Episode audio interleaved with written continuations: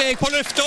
Mikrofon og alt har gått til balalaika. Da er det Balalaika med Alf Henden i studio igjen, og vi ser på historiske hendelser i uke 32. Ja da, jeg begynner med to fødsler i dag. To morsomme fødsler.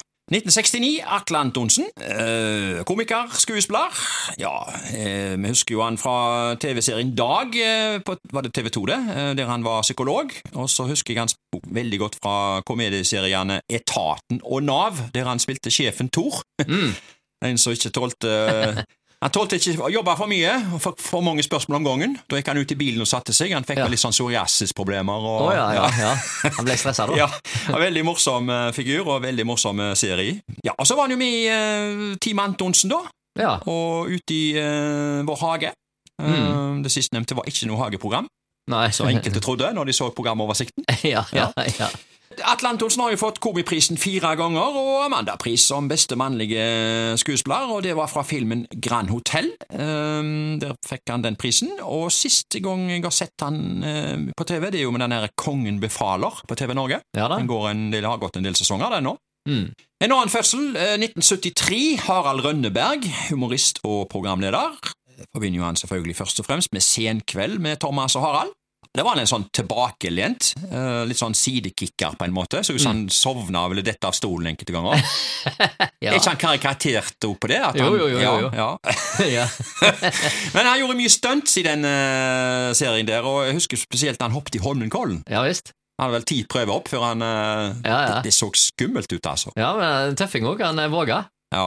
Og så har han jo fått sin egen serie nå, de siste to åra, med Helt Harald. Det har jeg, Ja. det, husker jeg han fra en eh, ellevill eh, padleferd med Marcus og Martinus. Mm. Ja, eh, En god serie, egentlig. Født i 1973, altså. Harald Rønneberg. Ja. Eh, Hendelser internasjonalt. Der har jeg bare én sak i dag. Eh, Den er fra 1934. De første fangene ankom høysikkerhetsfengselet Alcatraz, Federal Prison i San Francisco Bay utenfor California. Det var et nytt fengsel som skulle holde fanga de verste av de verste, så det het, blant USAs eh, forbrytere, da, og gjerne sånne som hadde herja siden forbundstidens eh, begynnelse i 1920. Alcatraz var ei øy, umulig å flykte fra, og det var eh, veldig stille de første årene. Direktøren hadde nemlig beordra taleforbud for de innsatte. Eh, Dette fengselet ble avvikla i 1963. Eh, mange kjendiser har sittet der. Eh, Den som satt lengst, var en ved navn Alvin Creepy Carpis. Cre satt- ikke creepy? Jo, Creepy. Ok. Men det var, det var jo et kallenavn, det, da. Ja, nettopp. Ja. nettopp. Han satt i 26 år der. Ja. Ja, og klarte selvfølgelig ikke å flykte. Det er bare på film de klarer å flykte fra Alcatraz. ja, nettopp. Det, det er ingen der som har klart å flykte i levende livet. Det er flere som har prøvd. Ja, ja, ja. De fleste drukner vel. Ja, noen drukner, og noen blir tatt inn igjen. Og, Ja, ja, ja, ja. Nå er det sånn eh, turistattraksjon. Ja, visste det det? Ja da. Hendelser lokalt. Kino i uke 32. Eh, 1962 i dag. Håndverkeren. Der gikk Chaplin i sitt ess. Det var en sånn slapstick-film, da, selvfølgelig. Typisk Chaplin-film.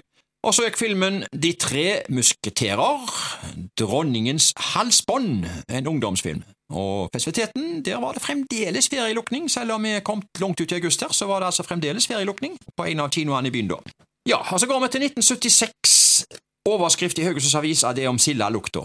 Sildalukta skremmer folk hjemmefra. Intens sildeskodde over deler av Haugesund. Jeg siterer. Dette holder vi ikke ut lenger. Det er som i krigen da vi måtte rømme på landet. I natt sto vi opp klokka to og kjørte til naboens landsted i Tysvær etter at våre to barn med astma hadde fått kvelningsfornemmelser. Det er en fortvilet familie fra Norheim som sier dette etter at enkelte områder i Haugesund og Karmøy den siste uka er blitt rammet av en meget intens forurensning fra sildoljefabrikker. Folk er nødt til å holde alle vinduer lukket i sommervarmen, barn og voksne brekker seg og må stå opp midt på nettene. Den sterke røyken fører til kvalme og hodeverk, og folk med astma har fått problemer med å puste, sto det altså i avisa da i 1976, og dette med stank fra sildoljefabrikk, det var jo et kjent fenomen i Haugesund det, på 1970-tallet, og jeg, oh, ja. jeg husker jo fra skoleårene, når vi gikk ut i skolegården, i friminuttene, på Lillesund, og ble møtt av den stanken, så, så gikk jeg faktisk inn igjen i klasserommet. Ja, nei, jeg vil ikke ha det- noe friminutt. Nei, nei, du, du, du kjente det godt. Det var ri, rimelig sterk lukt. lukt, Jeg altså. ble ikke, ble ikke vant med den heller. Når du kommer over i lukt, så klarer du gjerne å venne deg til den etter noen sekunder eller et minutt og to, men her var det helt umulig å Ja, ja. fortrenge, altså. Det var Nei, jeg husker som sagt veldig godt. Jeg gikk inn igjen i klasserommet. ja, ja. Eh, Det var jo ingen som kunne gjøre noe på skolen med det heller. Nei, nei. Det var, ikke, kunne, det var ikke sånn som hvis det var lite luft inn i klasserommet eller noe der. Men, Lite luft. Ja, Ja, ja, altså, Enten er det luft, eller så er det ikke. ja, ja, ja. Er det lite luft, så øh, sliter du. Ok. Nei, nei, men det, det, ja. det, det, var, det var en grusomme stank som holdt på til ut på 80-tallet, Ja, det stemmer det. Ja. Men så fikk de da litt renseanlegg og pålegg og litt sånn forskjellig. ja da. Men så Eh, var det jo helst hvis vindretningen var ugunstig. Ja, det har vært noen oppslag nå i media i siste måned nå, altså. Mm. Så helt vekk er det ikke. Nei, nei. Nei. 1980. Overskrift i Haugesunds Avis. 14-årig Skudenesgutt vil stifte egen Elves-klubb. Jeg vil ofre livet mitt for Elves, sier Helge Villassen. Jeg siterer videre. Elvis-feberen ser ikke ut til å ta noen ende. Hans popularitet blant de litt tilårskomne har vært enorm i mange år, men nå viser det seg at selv de yngste tenåringer elsker Elvis over alt annet i livet. I Skudeneshavn går en 14 år gammel gutt rundt i gatene med Elvis-skjerf og Elvis-merker på jakken. Hans drøm er å starte egen Elvis-klubb i Norge, og første ledd i dette opplegget er å trykke en egen avis. Men jeg trenger penger til disse foretakene, sier entusiastiske Helge Villassen til Haugesunds Avis. Men jeg vet også mange andre fra vårt distrikt som er helfrelste Elvis-fan, og kanskje vi kunne fått til et samarbeid, sa altså en 14 år gammel Elvis-fan da. Eh, Det var, der òg, tre år etter at hovedpersonen sjøl has left the building for aller siste gang da. Ja. Ble det påstått, da. At han døde i ja, 1977. ja. Ja, Han har ikke opptrådt etterpå, iallfall. Nettopp, nettopp. Eh, men nå er vi altså i 2022, og det er en ny film om Elvis som har skapt enorme begeistring. Mm. Eh, trekker fulle hus til kinoer og får enormt gode kritikker. Har det noen ende i det hele tatt, dette her med Elvis? Det Elvis-eventyret det fortsetter, altså. Ja. Mm. En ny generasjon har også går på den filmen nå, hører jeg det sier. Så, så uh, hvor lenge er den siden 1977 nå? Eh, 45 år?